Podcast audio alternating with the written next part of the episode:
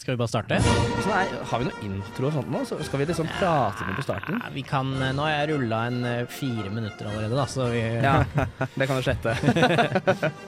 Men, eh, men vi, kan jo bare, vi kan jo bare starte Ja. og si hei og velkommen til Storsalspodden sin nyeste reinkarnasjon. Altså, det er, det er som Jesus står opp igjen fra de døde. Og han derre um, Hvis Jesus døde mange ganger, og Ja. så var han død i sånn et par semester av gangen.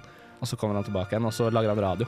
Hvem er det som eh, hold, er, er, er, sitter i denne inkarnasjonen av, av I denne inkarnasjonen det er Jonas eh, Strøm Skeie som eh, er eh, stemmen du hører nå. Ja, jeg heter Andreas Aargeide. Eh, det Og- er meg. I studio i dag så har vi med oss Uh, Gail uh, Pivers Christensen. Yes. Hva er din rolle på Samfunnet? Min rolle på Samfunnet er at jeg er rett og slett temaansvarlig i styret. Ja. Mm. Så du er ansvarlig for to tredjedeler av uh, samfunnsmøtene. Yes. Og legger tema jeg vet, En ting jeg er veldig glad for dette semesteret, hvis vi skal snakke om reinkarnasjoner, er at alle temaene er lagt ut i et sånt typ for en uke siden.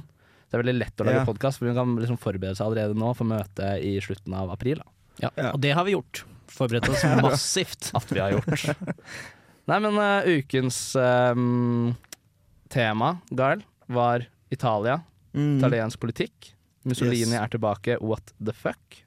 Yes. Uh, ja, temaet var jo å snakke om egentlig fascisme. Uh, og uh, med tanke på at i oktober nå så ble det valgt en statsminister i Italia som har hatt røtter i fascismen, og som er, står ytre høyre der borte, da. Um, og vi ville liksom egentlig utforske litt eh, om dette er på en måte er en Apropos reinkarnasjon, reinkarnasjon av, av eh, Mussolini, da. Ja. Eh, og undersøke det, og så snakke litt om ja, Italia, men også se utover da, og se på, på Europa den, eh, den radikale høyrebølgen som har liksom inntruffet der. da. For det Mm. finnes jo det man kan kalle for eh, sterke beviser på at eh, Meloni i hvert fall eh, ikke hatet Mussolinis person. Jeg, jeg viser til den videoen som du viste Ja. på samfunnsmøtet. Hun har da en, en god uh, fortid med, med fascismen og uh, Mussolini. Ikke, altså, altså hun har jo vært med i M dette MSI, da, uh, som er dette fascistiske partiet som måte startet opp fra tilhengerne til Mussolini Mm. etter Altså i 46 ble det dannet. Så hun har liksom vært ungdomsleder der. Ja. Og så også sittet, og så litt senere da, switchet over og sittet som ungdomsminister også for et ytre høyre parti. Mm. Men hun har vært veldig aktiv da på ytre høyre-siden hele veien. Så det du sier er at eh, partiet hun nå, eller hun var med i, er en videreføring av Mussolinis parti fra krigstiden. Og så har det på en måte fått litt nye farger og nye drakter, men er litt den samme, samme ulla, Eller? Uh, altså, det som er interessant her er at Partiet i seg selv er jo ikke egentlig så sykt fascistisk, men det har en del medlemmer, uh, toppolitikere i partiet, som er eh, tilknyttet til, til fascismen og har gjort så, De har blitt liksom tatt i å ja, heve armen. Uh, heve strak arm, og så har du også denne logoen til partiet som er en, som sentralt i altså partiet Fratelli d'Italia, som er da Milones parti nå, Mm. har et sentralt eh, emblem som er dette disse flammene med det italienske flagget. Og det er det som knyttes veldig opp mot MSI, det gamle partiet, da, for det, er, det var også deres logo, da. Mm. Eh, som er veldig sånn tydelig tegn på fascismen. da. Ok, Så de har beholdt eh, litt ting, da. Eh, Mm. hvem er det som var eh, innledere i, eh, på det samfunnsmøtet? Eh, innledere Vi hadde med oss Elisabeta uh, Wolf? Ja. Ja, stemmer. Eh, og Karine S. Garmond som innleder innledere. eh, begge to professorer i europastudier, eh, hvor Elisabeta blant annet har skrevet bøker om Italia. Hun er jo selv italiensk, Mm. eh, og eh, er professor ved UiO. Og så ja, har vi Karine som er eh, professor her oppe i europastudier her. Mm. Eh, mm. Og uten å på en måte spoile hele sofapraten og sånn at eh, lytterne bare kan slå av med en gang, men mener de at fascismen er tilbake i Europa? Nei, eh, det gjør de ikke. Det er jo det er godt å, det er godt å vite, men, men hva, er, eh, hva er på en måte mm, Hvorfor ikke?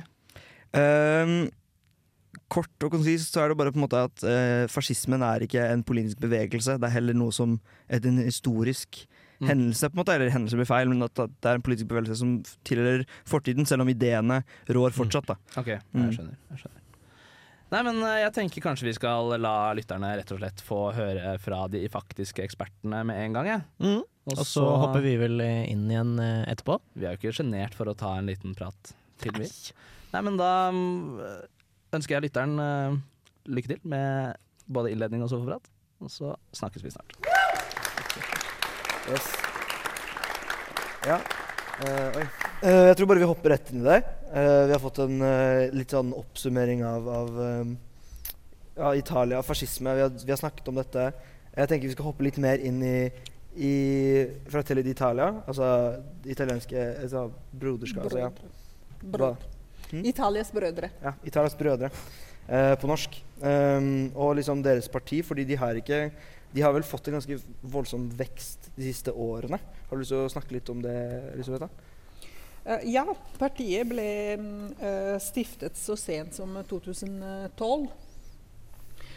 Um, og det var eh, nesten usynlig de første årene.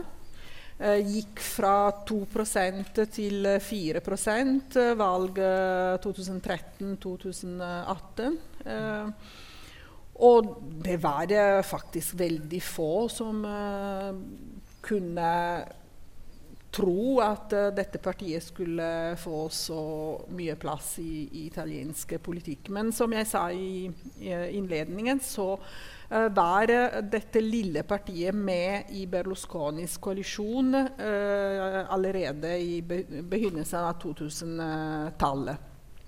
Det som er nytt i dag, er at dette partiet ble så mye større i forhold til nettopp Lega Nord og Silvio, og Silvio Berlusconis uh, parti.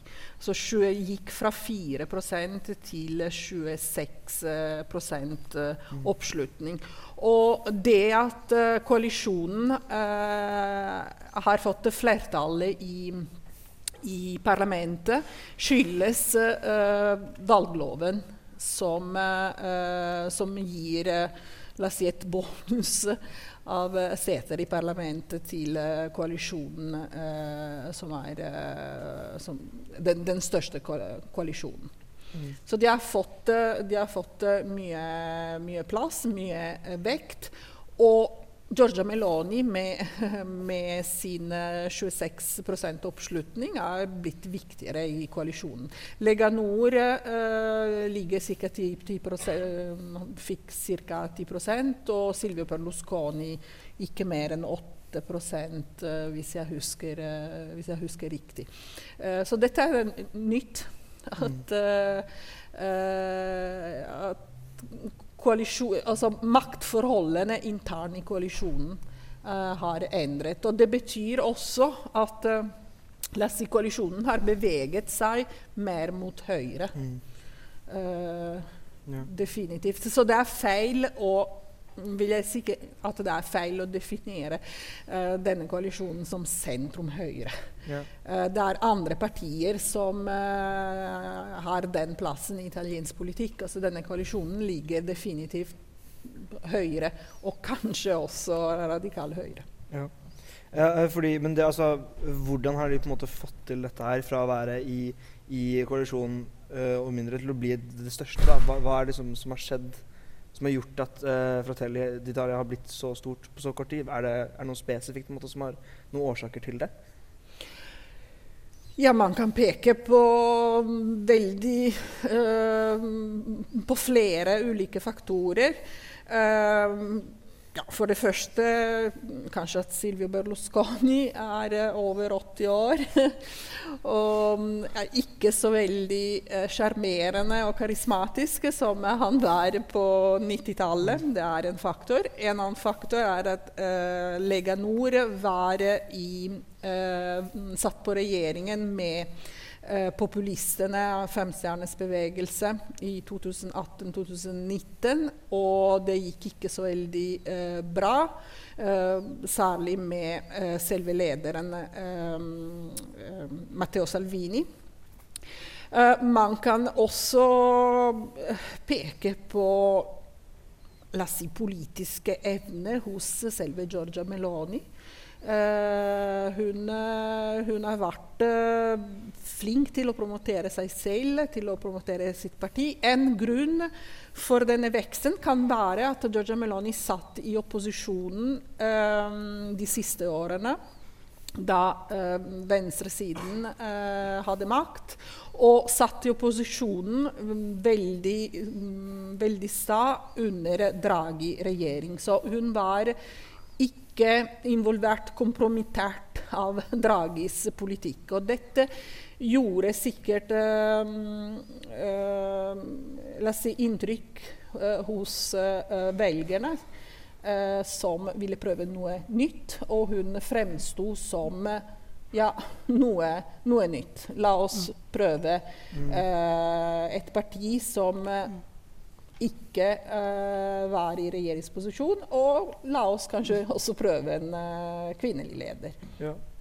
Kanskje, hvis jeg kan bare si uh, noen, noen, ord I, I think that jeg, jeg, skal snakke på, no, på, på engelsk fordi det er, det er, litt lettere for meg.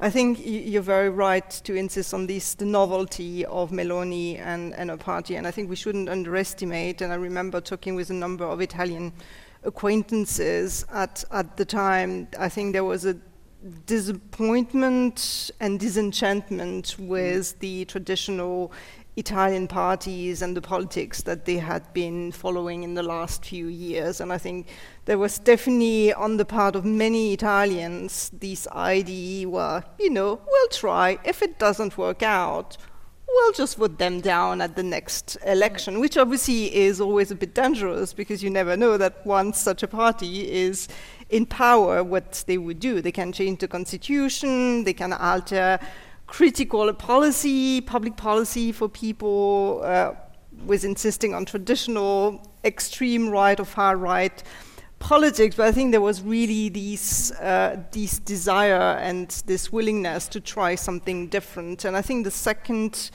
the second thing, and that's perhaps moving or zooming out of Italian politics, I think if, if you look at the broader European context, you also see this wider trend of, you know, right parties, parties that are located not, well, pretty close to the far right of the political spectrum gaining attraction and traction in, in national politics. I mean, we've seen that with the latest coalition in Sweden.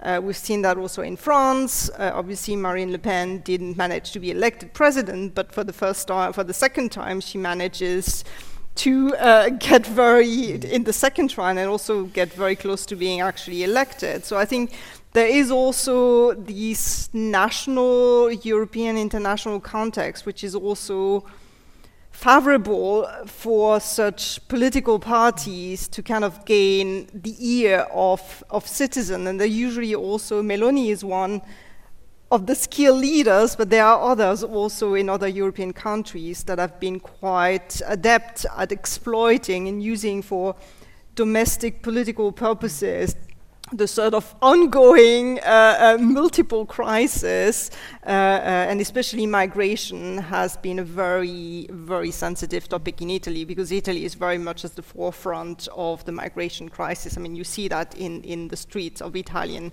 cities. The number of obviously immigrant is, yeah. is staggering compared with uh, any other uh, countries, yeah. France and definitely Norway. Vi kommer til å eh, gå litt nærmere på det du sier. Du har jo mye, men jeg ville bare holde meg litt til, til Italia akkurat nå. Eh, fordi eh, Berlusconi er vel altså, i nyere tid den eneste som på en måte har kunnet sitte en full regjerings eh, på en måte en full, et fullt term, en term. da. Eh, hvorfor eh, var liksom Vi har vært inne, du, du nevner jo dette her. Er mye, sånn man, det er lite endring, det er lite liksom, opposisjoner. og, og Meloni har jo vært veldig tydelig på, på altså, vært en veldig tydelig opposisjon og veldig står for endring og alt det her. Men hvorfor, hvorfor er det sånn at, man, at uh, det er så klar, Ingen klarer å sitte en hel term? Er det ja, du, altså, du peker på instabilitet i ja når det gjelder regjeringsperioder. Og uh, ja, det stemmer. Det er, uh, som vi vet, en vits om uh, antallet regjeringer i Italia, som er uh, omtrent uh, en regjering hvert, hvert, hvert år. Altså, dette har å gjøre veldig mye med eh, systemet i Italia, som er eh, rett etter krigen var ekstremt demokratisk.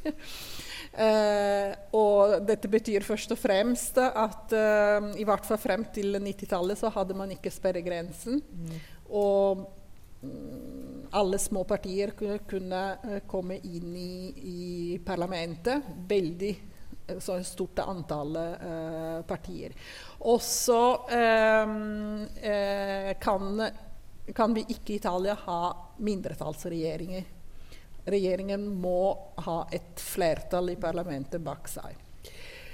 Så kombinasjonen av ikke noe sperregrense og eh, ikke lov å ha mindretallsregjeringen gjør at regjeringen kan falle veldig lett hvis det lille partiet i koalisjonen trekker seg. Og dette var vel eh, historien frem til nettopp, som du sier, Silvio Berlusconi. Men altså, regjeringer som uh, falt så ofte, det betyr ikke at uh, det var nye Altså nye politikere som, som, kom inn. Det var, altså, italiensk politikk frem til 90-tallet var karakterisert av uh, det mektige kristelige demokratiet som alltid satt i regjeringsposisjon, og et mektig kommunistparti som alltid satt i opposisjonen. Som egentlig Italiensk ustabilitet det er en myte. Italia har vært frem til 90-tallet det mest stabile av alle Nato-land i Vesten i, i Europa. Eh, på 90-tallet så endret man eh, valgsystemet. Jeg går ikke inn i detaljer fordi det er veldig komplisert, men dette eh, gjorde systemet mye mer eh, stabilt. Og så, som du sier, Silvio Berlusconi, ja, han var, eh, han var i stand til å holde fast med, sin, med, sine allierte. Han, det var Silvio Berlusconi som åpnet døren til de postfascistiske i, i politikken på, på 90-tallet. Uh, regjeringen, uh, hvis jeg husker riktig, 2001-2006 var uh, virkelig den mest stabile i italiensk politikk. Men siden 90-tallet så har vi hatt en alternering. Venstre, Venstrekoalisjonen, Høyrekoalisjonen, som har styrt landet eh, nokså demokratisk og Ja. Så Ja, vi Når regjeringen faller, så betyr ikke at, vi, at man har en nytt valg. Nei.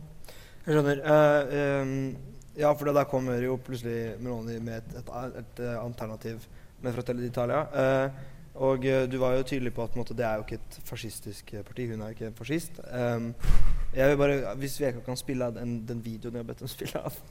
Uh, ja.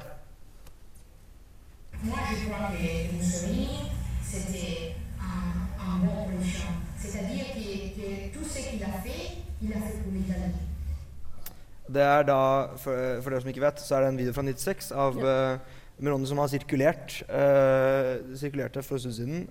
Um, og etter det, på en måte, så, har, så det, det jeg er skummelt, og grunnen til at jeg viser videoen, er litt at uh, selv om partiet i seg selv ikke på en måte regnes som fascistisk, så har man medlemmer av partiet som, som har røtter i dette. Både Meloni, som, som da uh, har, uh, har sine røtter i tidligere fascistiske partier, som, som ungdom, som, fra ung alder, på en måte. Mm. er ikke det på en måte litt skummelt? Og, og hva sier det på en måte om Italias fremtid at det er disse politikerne som nå skal sitte regjere? på en måte? Ja, dette er et uh, veldig interessant og samtidig komplisert uh, spørsmål. Det er ikke noe tvil at uh, Giorgia Meloni har sine røtter i det nyfascistiske miljøet og senere postfascistiske miljøet. hun skjuler ikke det engang. Og la oss se på Dere hadde bilde av også logo til Fratelli d'Italia. Man ser en uh, flamme mm. med de italienske, uh, de italienske uh, fargene til det italienske flagget. Og jo, denne flammen har et stort symbolsk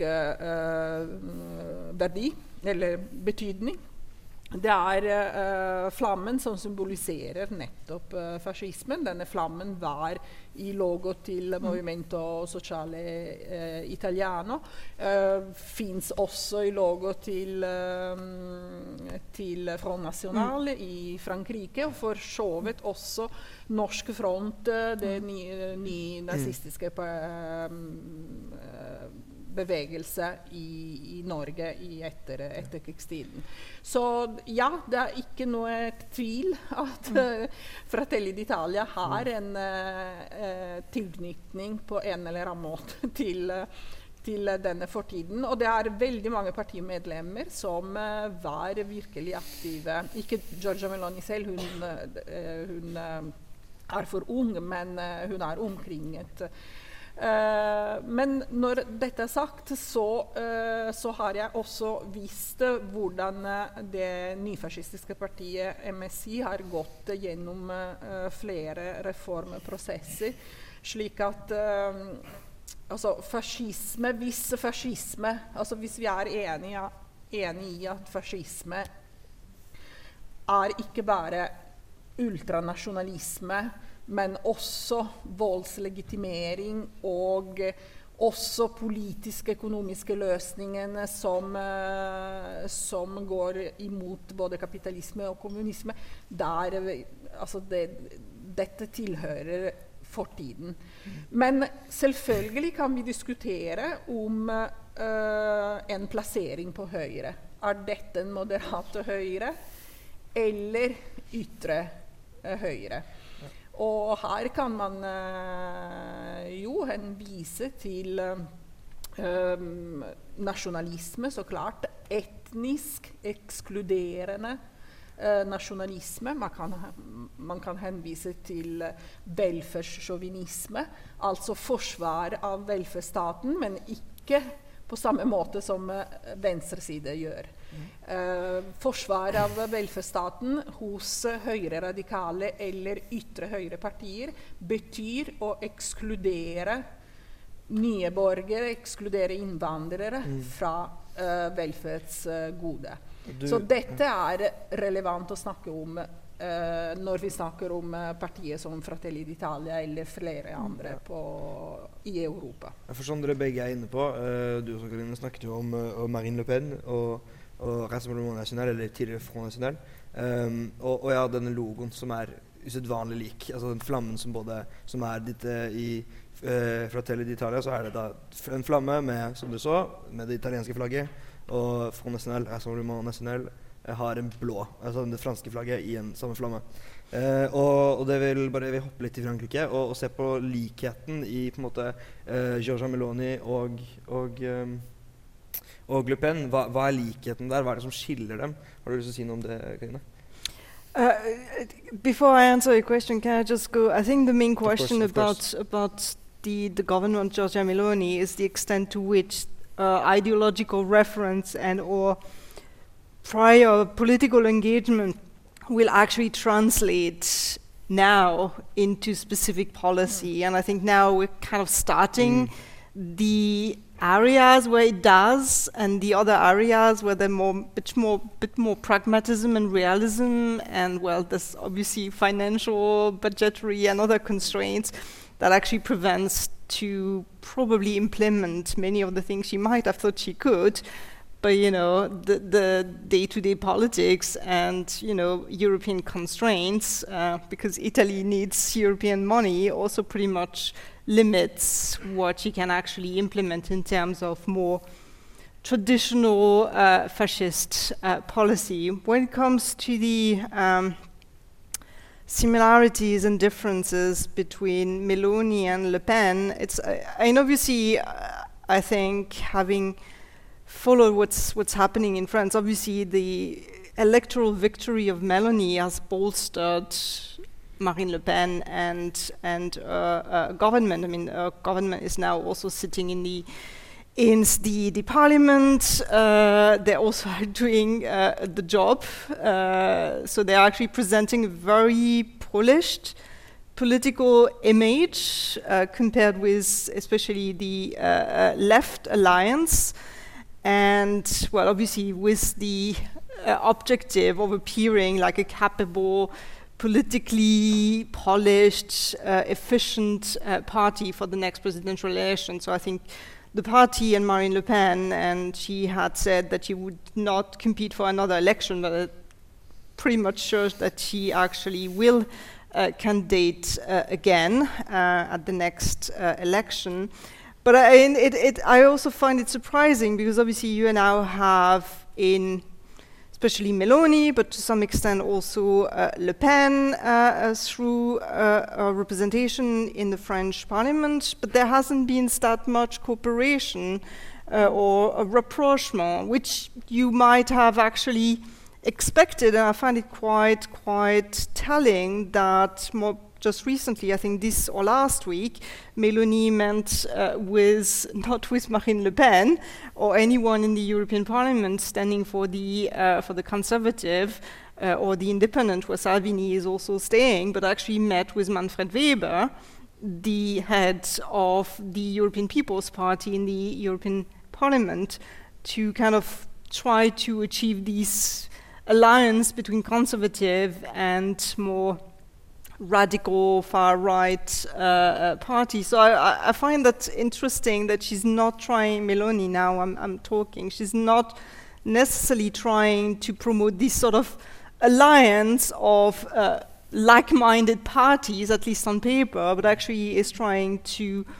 Uh, very much push for this uh, alliance between, uh, well, center right, far right parties.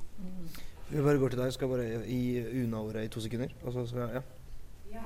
Eh, gjennom Sosialdebatten så vil det være mulig å stille spørsmål. Det gjør dere ved å bruke studio her oppe. Og så blir det på yes. Vær så god, Elisabeth. Ja, den, la oss si, den europeiske dimensjonen er um, kanskje viktig å peke på. Fordi uh, Giorgia, Meloni, Giorgia Melonis parti er i den, uh, i den parlamentariske gruppe for konservative. Mm. mens Matteo Salvini, uh, f.eks., han har vært en ivrig la oss si, initiativtaker, org organisator, for å forsterke gruppen på ytre, ytre høyre. Så um, Salvini har hatt mer kontakt med mm, Marine Le Pen mm. enn selve uh, Georgia Meloni. Georgia Meloni er definitivt opptatt av å uh, forsterke den konservative fronten i, i Europa. Og det er, altså dette er Eh, også noe de, disse partiene promoterer, eller veldig mange av disse partiene promoterer om, eh, om seg selv. De vil de omtaler seg selv, og de vil bli omtalt som nasjonalkonserva konservative. Og vi, vi, kan vel uh, gå tilbake til de spørsmål hva er det som gjorde at Giorgia Meloni fikk så, såpass stor oppslutning i Italia? Jo, fordi hun fokuserte veldig mye på verdikonservatisme. Uh, vekt på tradisjonelle Uh, verdier slik som familie også, og så videre. Og det, også dette selger, selger uh, godt blant belge, velgerne. Altså vi er i en, i en fase, historisk, historisk, fase hvor folket er bekymret. vi er omringet av alle mulige kriser. Uh, man frykter for sin fremtid. Man ønsker å bremse den moderniseringsprosessen som, uh, som er i gang i, i, Vesten. Og man ser mot nettopp partier som, som ja, man tror uh, kan uh, forsikre en fremtid til, til neste, neste generasjoner. Kan jeg bare et, et, et kort ord? Uh, I think one of the main similarities also, especially with regards to Europe, is that both Marine Le Pen as well as uh, as Meloni and like-minded uh, parties have also abandoned the idea of leaving the EU. Um, so there's no no more talk of Brexit, no more talk of Italexit. That's off the table now. I think now the main idea, the main idea, and especially for for uh, Melanie, is to kind of try to change the Europe from within, and especially strengthening what we call the subsidiarity principle, which is basically reinforcing uh, the more national dimension within. So giving more competences and powers to the member states, and I, I'm sure we will get back to that Mm. perhaps uh, later on. Da kan eh, Åse Håtveit eh, komme opp talerstolen. Ærede Storsal, mitt navn er Åse, og jeg er medlem. Eh, jeg bare bet meg merke i at du nevnte at eh, Meloni fremsto mer moderat enn det du hadde sett for deg. Jeg bare lurer litt sånn på Er hun mer radikal enn hun fremstår? Er det litt sånn Ha, lurte dere, jeg er ikke så moderat som jeg så ut som. Hvor vil du på en måte legge henne i spekteret? Ja, dette med moderasjon er uh, noe som i, uh, gjelder ikke bare Meloni. Altså det, hvis vi ser på uh, europeisk politikk fra eh, 45 frem til i dag, så er det vel et mønster at høyre radikale partier, når de nærmer seg makten, og særlig når de kommer inn i mm, eh, regjeringsposisjon, så modererer de seg. Um, MSI, Alliance Nationale, er et veldig godt eksempel. Det fins selvfølgelig også unntak. Eh, altså Frihetspartiet i, ledet av um, Haider, Jørgen Heider, Haider på 90-tallet, radikaliserte seg eh, da de nærmet seg makten. Men generelt, generelt så er det slik at ytre høyre eh, partier, høyre radikale partier, de modererer seg når de nærmer seg makten. Og dette er bra. Dette betyr rett og slett at uh, demokratiet i vår del av verden fungerer. Altså klarer å dempe de mest radikale eh, instinkter til disse, disse partier. Giorgia Meloni er, et, eh, altså er representativ eh, dette, eh, for dette fenomenet. Vi har sett eh, video, og det Ja, dette, det er ikke fake. Altså, i 96 så var eh, 96 så var det, det var to år etter at eh, MSI hadde uh, endret, uh, endret sitt navn. Det, jeg har ikke noe tvil at George Meloni var uh, nokså fascistisk og, og beundret uh, Mussolini. Men altså, 96 er en stund siden. Det har skjedd veldig mye. Og i det siste så har hun uh, offentlig og offisielt uh, trak, mm, trukket til, tilbake disse um, uttalelsene fra, fra eh, 90-tallet. Eh, klart at eh, ja, man sitter litt uh, med ubehag, uh, alle sammen. Uh, hva kan skje? Eh, fordi vi vet også av historien at eh, ledere som Mussolini og Hitler modererte seg vesentlig da de skjønte at de var nær uh, makten. Altså jeg tenker på uh, Mussolini uh, like før den berømte marsjen mot Roma som aldri fant sted. Også han eh, fremsto som absolutt veldig moderat, og han var i dialog med de fleste partiene i Italia. Han fikk regjeringsmakten, og så vet vi hva som, som skjedde. Men Italia, 20-tallet, er ikke Italia i, i dag. Uh, ja, for det er jo uh, Det som jeg, jeg syns er interessant i hvert fall med denne videoen, og, og var jo at da hun kom i regjering uh, så, altså Hun uttalte seg jo om denne videoen som da sirkulerte, rett før valget ish, tror jeg. Og hun, hun, denne uttalelsen hennes om, om å ikke være fascistisk, at partiet ikke hadde noen røtter der, hun, eh, som jeg syns er litt morsomt, i tre forskjellige språk. Så det både på italiensk, fransk og tysk, tror jeg. Tysk riktig. Jeg synes det, er bare, det sier litt om hvor liksom, hun legger linja. eh, eller hvordan, hvordan hun har endret seg da, på en måte, mm. for å få velgerne. Og det er jo på en måte populisme man snakker om. Åse Håtveit, eh, president eh, i ISFIT, fikk vi inn på tampen her med et veldig betimelig spørsmål om eh, Meloni kanskje er mer radikal enn hun egentlig har utgitt seg for å være, eller, eller virker som, da. Er hun en sånn såkalt ulv i fåreklær? Ja, nettopp. Mm. Eh, spørsmålet etterpå, Gail, var vel litt i lignende baner, hvis jeg husker riktig. Ja, det var et spørsmål ble stilt fra salen angående på en måte bruken av vold og det å, og... Nei, Nå fikk jeg jernteppe her. Jo, Nå, men, ja, for jeg, jeg var også her, men at øh, man kommer seg inn i parlamentet som en sånn tilsynelatende, mod, øh, tilsynelatende moderat, da, og så går man mer i en radikal retning. Og jeg syns det er litt interessant å tenke på bare det at man Hva er det som hindrer en regjering i å bli valgt på ett premiss, Mm. og så arbeide på et helt annet? da? Det er jo spennende paralleller til f.eks. Viktor Orban eh, sin regjering i Ungarn, som han har jo sagt etter at han ble, valgt, altså, han ble valgt inn, og så har han vel ganske åpent jobbet ned det ungarske demokratiet. Og har selv sagt at han er, eh, at han er forkjemper for det han kaller for et illiberalt demokrati. Eh, så det er, eh, det er jo skumle tendenser man ser i andre land. Da. Så er spørsmålet om Meloni Går for den samme? går for den samme modellen, eller? Ja, um, når det kommer til noe måte Meloni, og, og det som vi også på en måte var inne på um, i forrige spørsmål til Åse, og sånt, også er at, at uh, Og det vi snakket om litt innledningsvis, er at, at partiet hennes er jo ikke et fascistisk parti. Mm. Uh, og man kan heller ikke kanskje kalle det fascistisk, fordi fascismen eh, ifølge det innlederne uh, trekker frem, ikke på en måte er en politisk bevegelse, en, en ideologi på samme måte som kommunisme eller uh, sos, sosialisme, på en måte. Mm. Um, og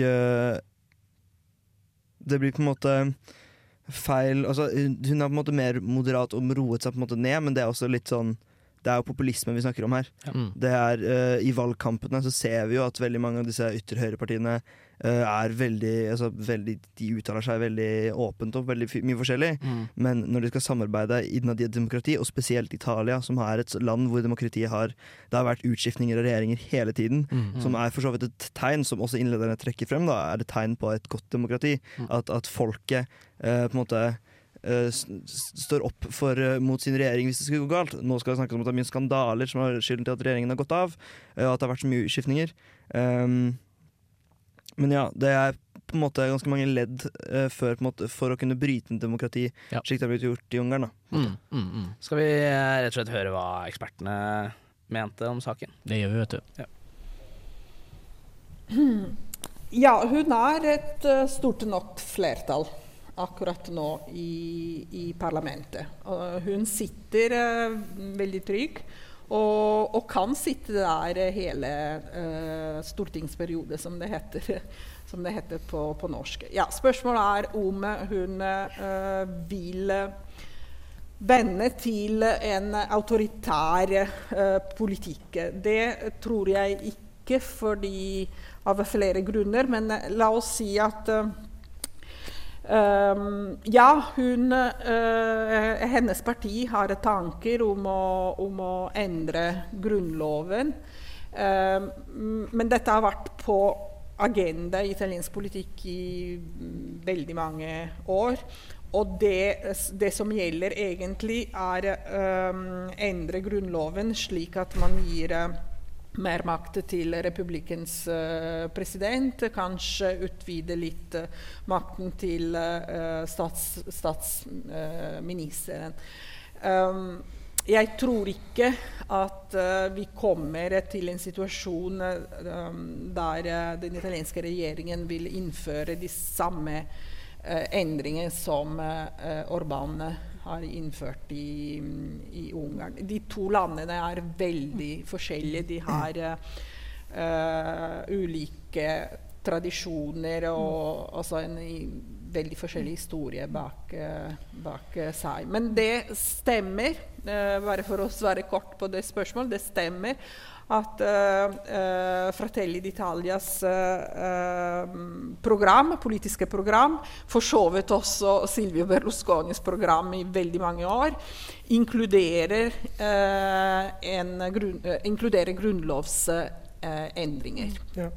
Um, ja, fordi vi har snakket litt om det, altså flyktningkrisen i Europa, og hvordan det har påvirket i hvert fall ja, i land hvor det er altså, veldig mange land, da, og, og veldig mye av motivasjonen til til høyrepopulistiske, ytre høyre, radik høyreradikale partier for å, trekke seg, altså, for å ville trekke seg ut av EU, er jo gjerne dette her. Um, og uh, som du også var inne på uh, i din innledning, Elisabetha, så snakket du om uh, denne altså, laveste valgdeltakelsen i Italias historie. Um, og tror du at og hele valget og grunnen til at Meloni nå sitter som statsminister, har det noe å si med hvordan eller hvor mye har flyktningkrisen og det at Italia er et av de landene hvor, som tar imot flyktninger først, hvor mye har det å si for, for dette valget? da? Hva er det, Alicia? Ja, dette er uh, et viktig tema italiensk politikk. Har vært det lenge, i, i flere år. Det, uh, det er også uh, en grunn for at Lega Nord forresten har hatt stor oppslutning før Giorgia, Giorgia Meloni. Mm, Italia ligger der hvor landet ligger, midt i Middelhavet, og er uh, mottakerland for disse uh, migrasjonsbølger fra, fra, Afrika.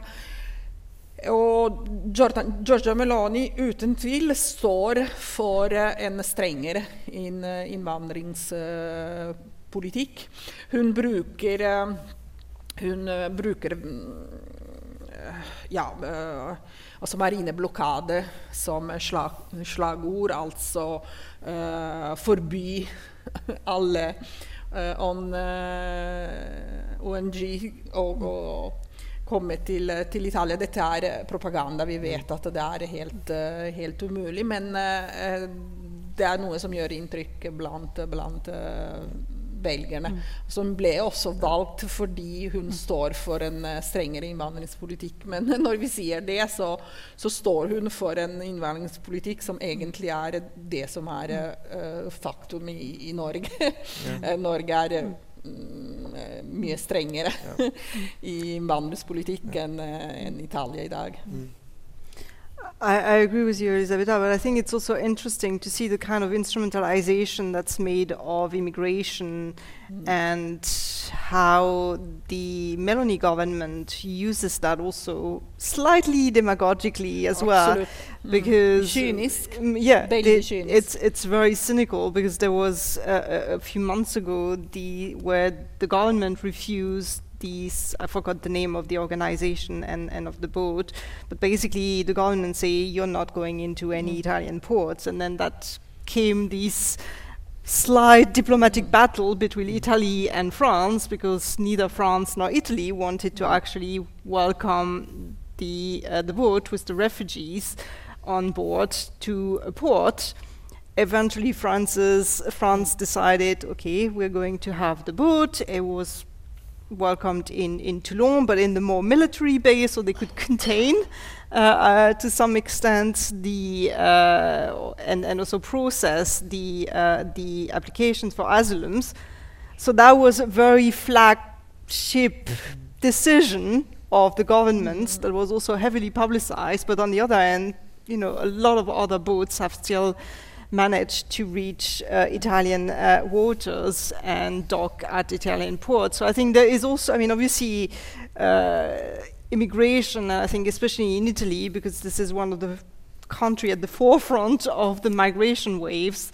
Uh, it's very much one of the reasons for its success. I would say if we didn't have the migration crisis, mm. and if Italy didn't have to process this massive amount of, of, of refugees and, and demands for asylum, then probably we might have been a in a slightly different position. But at the same time, there is also very, very cynically, we I think we can say that this instrumentalization, this political instrumentalization of uh, immigration as a way to encourage domestic support. Ja, det er veldig mye propaganda rundt uh, innvandring i i Italia. Det er uh, som sagt altså, eh, brukt eller misbrukt av eh, ytre høyre partier for å få oppslutning. Altså, man vet at eh, når det gjelder innvandring mot Europa, så ligger de største utfordringer faktisk ikke Middelhavet, men eh, på Balkan. Og uh, altså i Østen. Det er der hvor uh, rute, de største rutene av innvandring uh, gjelder. For å ikke, eh, for å ikke snakke om eh, asylsykere som kommer rett og slett på flyet og ikke, ikke på båt. Det, Melania er uansett avhengig av eh, EU, av europeisk eh, politikk.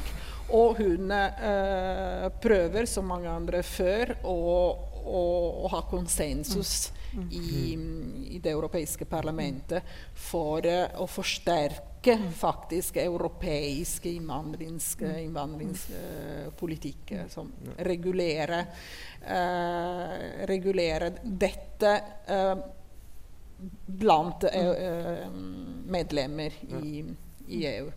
Ja, for jeg er sånn eh, Bare for å hoppe litt videre eh, eh, Man snakker jo om da altså, denne opposisjonen, da, at, at det er også, Når man ser på da, Pen har jo fortsatt ikke, har jo fortsatt ikke måtte, vunnet, men det har vært veldig veldig nære ofte mellom henne og, og Macron de siste to valgene. Um, og Macron og veldig mange er jo veldig klare for at Macron vinner bare fordi, med lite margin fordi man ikke vil ha uh, Le Pen. Uh, og uh, og det er tydelig i resten av Europa også hvor det er en bølge at det, er, det mangler en opposisjon. Mm. på en måte, det mangler en Venstresiden klarer ikke måte å, å stabilisere seg og stå i det og finne ut altså, hva de står for, og, og på en måte eh, gjenoppfinne seg selv. Ehm, hvorfor har de på en måte ikke klart det? Har du lyst til å svare på det, Karine? Unnskyld. Spørsmålet er hvorfor Marine Le Pen ikke Nei, hvorfor, eh, hvorfor på en måte venstresiden generelt i Europa ikke klarer på en måte å, å, å stabilisere seg og skape en opposisjon? da? i Frankrike. Ja, generelt, men også men. det kan starte i Frankrike. Det er fint, det. Well, they, they, they, they, they, are in power in Germany. I think Germany at the moment stands a little bit alone in a slightly blue, light blue or, or dark blue wave uh, that is uh, uh, uh, crossing Europa, Europe at the moment.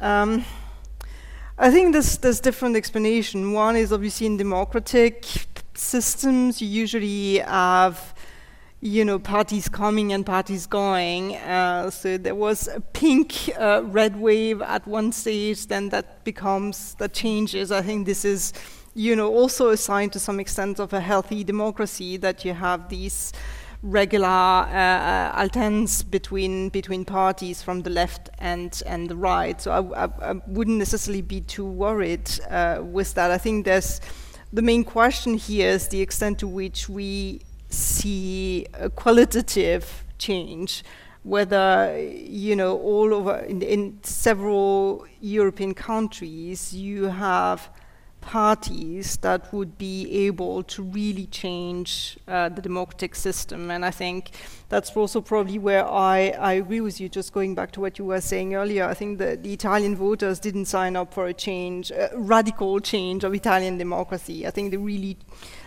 voted for the Meloni government because they wanted to try something different. Uh, but I don't think they would sign up for Italy becoming a new Hungary or a new Poland. No. And I think I don't also see why and how Italy would, because as you said, you have very different, very different countries, and I think the democratic tradition, or at least I would hope so, is much, uh, much stronger for historical reason. Obviously, Hungary and, and, and Poland uh, have been dominated by the Soviet Union for, so th- they're lacking these democratic traditions. Uh, which obviously you don't have in uh, in in Italy. Um, so uh, yeah, I mean, uh, I think one of the problem is obviously you have had uh, in in France, for example, you have had a, a left government before before Macron, and there is a sense of the failure that left party politics have, have failed, and that's also provide fertile ground for uh, far, uh, far or far right parties to uh, gain tractions among uh, among voters. Uh, but maybe the left party will eventually manage to convince that convince voter and electors that it can actually offer better political solutions than the far right. And I think the Meloni government and other uh, far uh, right or far right alliances will eventually be judged on, on the results and whether or not they actually manage to deliver on the sometimes very ambitious and demagogic promises that they made to voters. Mm. Ja, la, la, meg tilføye at uh, jo, det er ikke noe tvil at Meloni uh, vant også fordi det var en uh, svak venstre side. Kanskje en venstre side som ikke ville vinne dette valget. Fordi de hadde tross alt sittet i nesten ti år ved makten i Italia. Altså Berlusconi ble avsatt i 2011 og mellom 2011 og uh, 2022 så har vi vært veldig mange i regjeringen, ja. men de fleste, de fleste ledet av Venstredemokratene. Så man kan bør også tenke at uh, partier blir utslitt, ko koalisjoner blir utslitt. Venstre, uh, venstresiden var uh, kanskje utslitt etter ti, ti år, hvor de gjorde sitt beste for å styre landet. og takle alle de mm. ulike utfordringer og kriser som de siste ti årene har brakt med, har brakt med, uh, med seg. Uh, denne valgkampanjen var ikke noe særlig imponerende for venstresiden i Nei. Italia, det, det, vil jeg si. Men på, eh, i, i, så, i, Europa så ser vi at det er en uh, fin demokratisk alternering mellom venstre og uh, høyre. Og eh, det er jo sant at ytre høyre har fremgang. Eh, særlig, altså, særlig etter 2001. Men vi ser også at eh, venstresiden uh, klarer å renovere seg selv og, og, og komme igjen til, til, makten. Altså Tyskland er et, et, eksempel.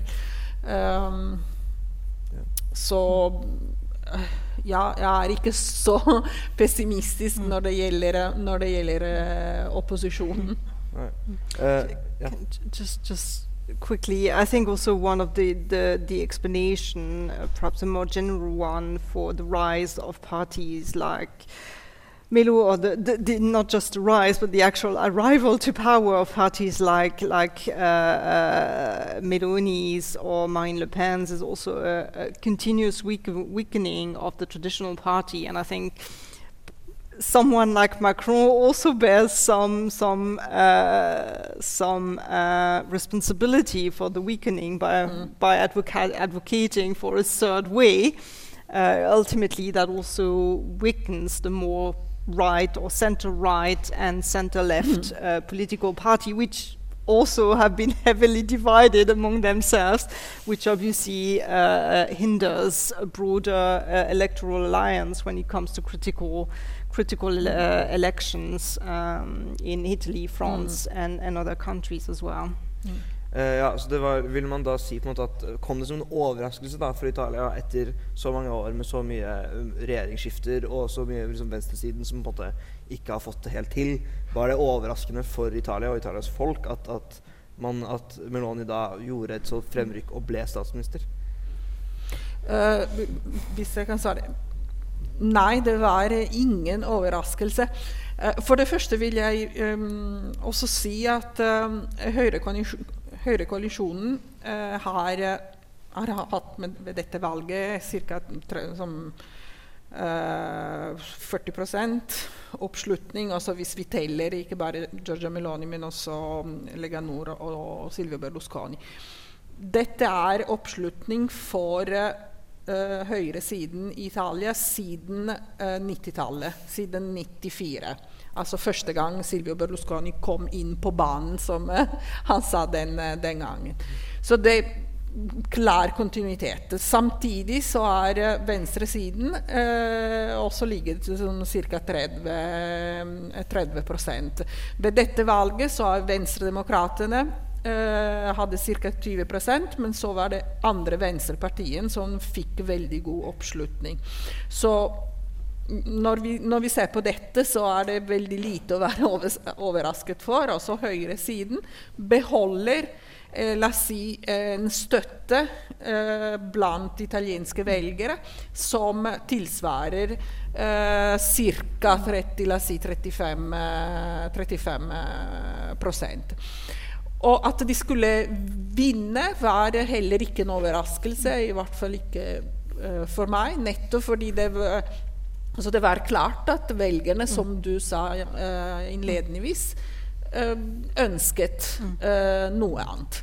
Og så etter ti år med Venstredemokratene mm, mer eller mindre i maktposisjon, så ønsket velgerne noe annet. Men mm, dette er tegn på en, et velfungerende demokrati, vil jeg, vil jeg, si. Det hadde vært mye bedre å fortsette med uh, de samme regjeringene i evighet. Mm. Uh, da kan Ola Mæle komme opp på talerstolen og stille sitt spørsmål. Før vi tar den, den andre spørsmål, kan jeg bare si noe? Uh, I think that wasn't that wasn't surprising at all because mm. I think in, throughout September all the polls in Italy were showing a very clear lead. I think the main question then uh, then and also after the election was the extent to which he would manage to build a, sta a stable coalition with mm. both Salvini and uh, Berlusconi. And I think now we still have that question: the, how long will it actually last? Vi begynner å nærme oss uh, slutten av uh, møtet, men uh, sånn som siste spørsmål så spurte du innlederne, Gail, om vi burde være bekymret for den blå bølgen i, i, i Norden. ja, stilte Ja, det var også et spørsmål fra salen for så vidt også, men det var veldig fint å avslutte med. særlig med tanke på Sverigedemokraterna. Uh, og at de har liksom vunnet valget her. Um, og også Sylvi Listhaug, for eksempel, uh, i Frp. Ikke at måte, de, uh, Frp er så sinnssykt ytre høyre, egentlig, men det er høyrepopulismen vi skal inn på her igjen. på en måte. Det er, det er dette Altså, ja. Si hva man vil for å få velgere, velgere på sin side. Mm. Um, men det er betydelig skumlere, skumlere på en måte i Sverige, da.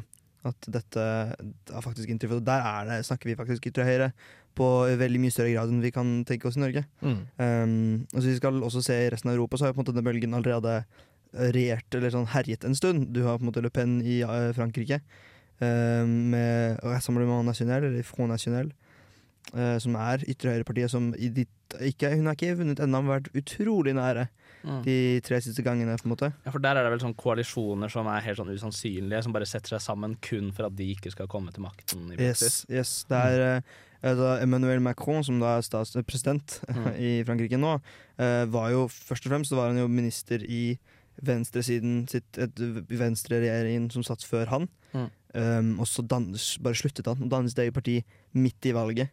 Ja. Eh, og vant akkurat fordi det var da sant, man var lei av venstresiden. Han kom der, og man ville ikke ha Le Pen. Og det har vært sånn de siste, det siste valget også. Mm. Eh, så det er jo, man bekjemper jo på en måte er, man ser at veldig mange fortsatt ikke vil ha Eller jeg ser problemene som dukker opp, mm. men også i, i, Norden så har det begynt å inntreffe da i Sverige, og det, det er på en måte litt skummelt. Mm. Ja, så er jo dette Det skal jo alltid sies at det er jo ikke de politikerne som tvinger seg til makten på et vis. Det er jo faktisk Altså Meloni, da. 27% oppslutning i mm. Italia. Le Pen har hatt hvor mange prosent oppslutning i Frankrike?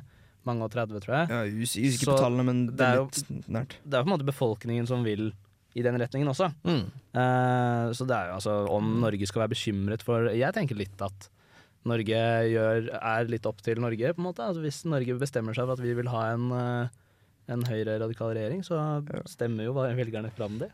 Ja, jeg tror for så vidt det. Altså, ja, men så er det jo mye, mange faktorer der. Da. At vi også, sånn som ble også nevnt uh, på en måte også, var at, uh, at ja, innvandring er jo et stort problem uh, i hele Europa. Mm. men i Norge så har vi på en måte de, man, Mye av motivasjonen for de velgerne som faktisk velger ytre høyre, er jo, og er fremmed altså, har fremmedfrykt, på en måte. Ja. Um, vil jo på en måte ha strenge lover som vi har i Norge. Mm. Uh, og i resten av Europa så er det ganske mer åpne lover pga. EU, blant annet. Mm. Ja. Um, og så er det jo lettere for oss å ha strengere lover, siden vi såpass, er såpass langt unna siden til uh, Oppe på berget. Yes, det er nettopp det. Mm. Nei, men Skal vi eh, rett og slett eh, la um, ekspertene i sofaen oppsummere litt praten om, uh, om den blå bølgen, da? Kjør. Well, no, Norway at the moment is also one of the countries where you actually have a more, a more social democrat government, uh, which I think again at the moment stands a little bit alone in in in Europe. Uh, I think, generally speaking, we should all be wary of of far right parties. Uh, but obviously, at the end of the day, in democratic system, it comes down to who has the best uh, political program and who is the most able and capable of selling it actually to uh, to the voter. And I, th- I think it's it's also very interesting because in in France, in Italy, in uh, in Sweden, you see this very strong professionalization, but also de-demonization of such political party, and that's been the case in, in France, which is perhaps the country that I know best for obvious reasons, Italy as well, uh, where such political party, which before were completely political party non grata, uh, so to speak, have become uh, acceptable, and I think now it's uh, it's also becoming socially acceptable for people to say I vote for such a political party, and I think this is perhaps where I see a qualitative change, which is not just not happening in in Europe. Uh, but also in France, clearly also in uh, in uh, Sweden, uh, uh, and well, why ever not Norway? I don't think Norway is that very different from, from other countries. Uh, I also remember when I came when I when I came to, to Norway, I always was when we were discussing French politics and, and comparing them with Norwegian politics that um, uh, the uh, also a female leader then of the Norwegian Frem- Fremskrittsparti, Sylvie List, uh, Men S- Siv Jensen Eller Sylvi. Ja, Ja. Sylvi nå. she was always introduced to me as the Norwegian Marine Le Pen. Uh, and I think this is also, uh, I, I think these parties have been very clever at putting female leaders uh, because we always tend to underestimate uh, female uh, political leaders. You know, they also project a slightly different image than the traditional, very machist, very brutal, uh, sort of, you know, this this fascist ideological tradition. So I think here we see also part of these professionalization processes of these political party, which again also explain why they have been fairly successful uh, if they haven't uh, managed, like in Italy, to reach uh, political power, but still at becoming political forces in the political uh, landscape in many countries, if not a very majority of uh, European countries, including Norway. Kult. Da har vi most gjennom eh, hele sofaapparaten fra ukas eh, samfunnsmøte. Mussolini er tilbake. What the fuck? Vurderte dere noen andre OMG eller LOL eller Det gjør vi ikke. Nei. Sheesh. Nei, men hva, hva konkluderte du med, Gael, etter uh, en time i sofaen pluss pluss? Er Mussolini tilbake? Uh, Mussolini er ikke tilbake. Mm. Uh, på ingen måte. Um, fascismen er heller ikke tilbake. Ah. Men uh, være litt på vakt, tror jeg vi alle Eller være litt kloke, tror jeg vi alle skal være. Det kan vi jo ta med oss fra denne episoden av Storsalspodden. Absolutt. At det, er en, det er jo en ytre høyrebølge, i hvert fall, som eksisterer. Om den så ikke har navnet og ansiktet til uh, diktatorer på 30-tallet, så er det en liten bølge som foregår. Kommer en bølge med Storsalspod-episoder framover også. Hvis du abonnerer, trykker like og subscribe og setter på varsler og sånn, så kommer det jo til å dukke opp eh, en, eh, en storsalspodd i eh, to, kanskje. Ja. Et samfunnsmøte, en onsdagsdebatt. Mhm. Gahl kommer tilbake, han, når det er hans Det, Tur. Neste uke, neste samfunnsmøte som vi skal slippe her, er uh... Kina mot verdensherredømme. Det er ja, en, det er en internasjonal bølge over um, Storsalspodden. spennende. Jeg eh, vet at eh, jeg eh, gleder meg, i hvert fall. Og jeg gleder meg. Og i mellomtiden så får vi feminist, eller feminisje. Onsdagsdebatten, det, altså. Så um, herregud. Det er bare å trykke på play og gå seg en tur og lytte til disse møtene. Vi snakkes. Det gjør vi.